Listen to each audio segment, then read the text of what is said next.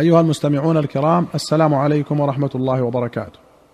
في باب البيوع أخرج البخاري ومسلم رحمهما الله عن رافع بن خديج رضي الله عنه قال كنا أكثر الأنصار حقلا فكنا نكري الأرض على أن لنا هذه ولهم هذه فربما أخرجت هذه ولم تخرج هذه فنهانا عن ذلك وأما الورق فلم ينهنا. وفي رواية قال فأما الذهب والورق فلم يكن يومئذ. وفي رواية قال أتاني ظهير؟ فقال لقد نهى رسول الله صلى الله عليه وسلم عن أمر كان بنا رافقا. فقلت وما ذاك؟ ما قال رسول الله فهو حق؟ قال سألني كيف تصنعون بمحاقلكم فقلت نؤاجرها يا رسول الله على الربيع أو الأوسق من التمر أو الشعير. قال فلا تفعلوا. ازرعوها أو أزرعوها أو أمسكوها. قال رافع قلت سمعا وطاعة. وفي رواية عن رافع أن عميه وكانا قد شهدا بدرا أخبراه أن رسول الله صلى الله عليه وسلم نهى عن كراء المزارع. وفي رواية عن نافع أن ابن عمر كان يكري مزارعه على عهد رسول الله صلى الله عليه وسلم وفي إمارة أبي بكر وعمر وعثمان وصدرا من خلافة معاوية. حتى بلغه في آخر خلافة معاوية أن رافع بن خديج يحدث فيها بنهي عن النبي صلى الله عليه وسلم فدخل عليه وأنا معه فسأله فقال كان رسول الله صلى الله عليه وسلم ينهى عن كراء المزارع فتركها ابن عمر وقال كنا نكري أرضنا ثم تركنا ذلك حين سمعنا حديث رافع بن خديج ولمسلم عن حنظلة بن قيس قال سألت رافع بن خديج عن كراء الأرض بالذهب والورق. فقال لا بأس به. إنما كان الناس يؤاجرون على عهد رسول الله صلى الله عليه وسلم بما على الماذيانات وأقبال الجداول وأشياء من الزرع فيهلك هذا ويسلم هذا ويسلم هذا ويهلك هذا ولم يكن للناس كراء إلا هذا فلذلك زجر عنه. فأما شيء معلوم مضمون فلا بأس به. وفي أخرى له عن رافع بن خديج عن رجل من عمومته قال نهانا رسول الله صلى الله عليه وسلم عن أمر كان لنا نافعا وطواعية الله ورسوله أنفع لنا. نهانا أن نحاقل الأرض فنكريها على الثلث والربع والطعام المسمى وأمر رب الأرض أن يزرعها أو يزرعها وكره كراءها وما سوى ذلك. وللبخاري قال رافع حدثني عماي أنهما كانا يكريان الأرض على عهد رسول الله صلى الله عليه وسلم بما ينبت على الأربعاء أو بشيء يستثنيه صاحب الأرض. قال فنهانا النبي صلى الله عليه وسلم عن ذلك. قال فقلت لرافع كيف هي بالدينار والدرهم؟ قال رافع ليس بها بأس بالدينار والدرهم. وقال الليث بن سعد وكان الذي نهى عنه من ذلك ما لو نظر فيه ذو الفهم بالحلال والحرام لم يجيزوه لما فيه من المخاطرة. قوله نكري أرضنا أي نؤجرها. والماذيانات؟ الأنهار الكبار واحدها ماذيان. واللفظة غير عربية. وأقبال الجداول أوائلها وما استقبلك منها. والجدول هو النهر الصغير وهو الربيع أيضا. ويجمع على أربعاء كنبي وأنبياء. والمراد ما ينبت عليها من العشب. ويجمع على ربعان كصبي وصبيان. وعما رافع هما ظهير ومظهر ابن رافع رضي الله عنهما. وقوله نؤاجرها على الربيع هكذا هو في معظم النسخ الربيع وهو الساقية والنهر الصغير. وحكى القاضي عن رواية ابن مهان الربع بضم الراء وبحذف الياء وهو أيضا صحيح. وأخرج الشيخان رحمهما الله عن ابن عباس رضي الله عنهما أن رسول الله صلى الله عليه وسلم خرج إلى أرض وهي تهتز زرعا. فقال لمن هذه؟ فقالوا اكتراها فلان. فقال لو منحها إياه كان خيرا له من أن يأخذ عليها اجرا معلوما.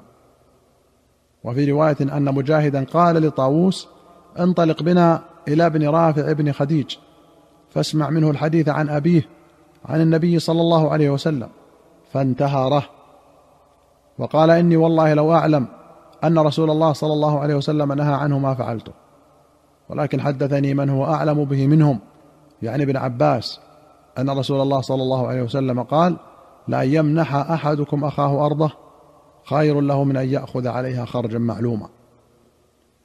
وأخرج مسلم عن ثابت بن الضحاك رضي الله عنه أن رسول الله صلى الله عليه وسلم نهى عن المزارعة وأمر بالمؤاجرة وقال لا بأس بها. وأخرج البخاري ومسلم رحمهما الله عن ابن عمر رضي الله عنهما أن رسول الله صلى الله عليه وسلم لما ظهر على خيبر أراد إخراج اليهود منها وكانت الأرض لما ظهر عليها لله ولرسوله وللمسلمين. فأراد إخراج اليهود منها فسألت اليهود رسول الله صلى الله عليه وسلم أن يقرهم بها على أن يكفوا عملها ولهم نصف الثمر. فقال رسول الله صلى الله عليه وسلم لهم نقركم بها على ذلك ما شئنا. فقروا بها حتى أجلاهم عمر في إمارته إلى تيماء وأريحا. زاد مسلم وكان الثمر يقسم على السهمان من نصف خيبر. فياخذ رسول الله صلى الله عليه وسلم الخمس.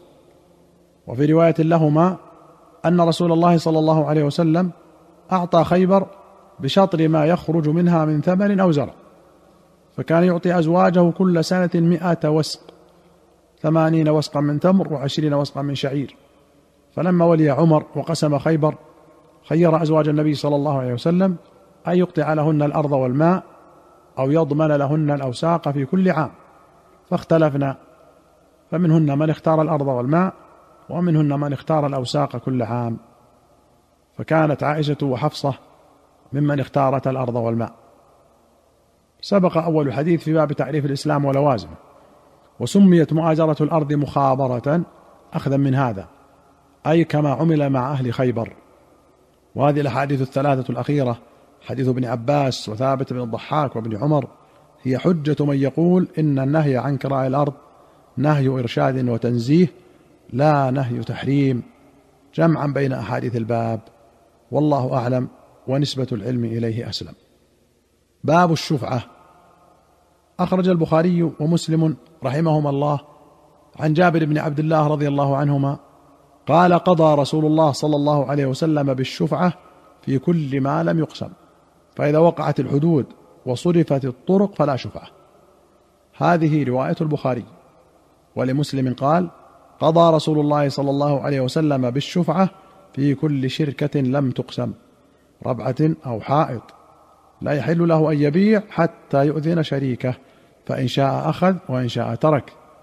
وإذا باع ولم يؤذنه فهو أحق به. الربعة والربع الدار والمسكن ومطلق الأرض.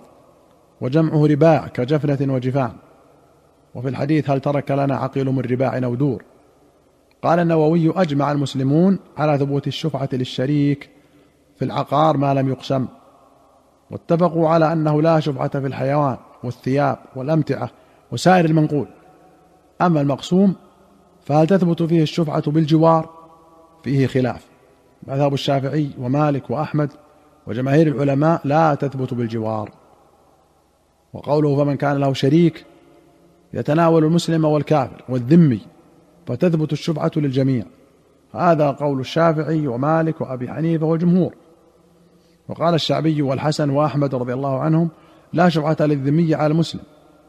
وقوله لا يحل له أن يبيع حتى يؤذن شريكه محمول عند أصحابنا على الندب. وكراهة بيعه قبل إعلامه كراهة تنزيه وليس بحرام. واختلف العلماء فيما لو أعلمه بالبيع فأذن فباع ثم أراد الشريك أن يأخذ بالشفعة. فقال الشافعي ومالك وأبو حنيفة له ذلك. وقال آخرون ليس له وعن أحمد روايتان. أيها المستمعون الكرام إلى هنا نأتي إلى نهاية هذه الحلقة. حتى نلقاكم في حلقة قادمة إن شاء الله. نستودعكم الله. والسلام عليكم ورحمة الله وبركاته.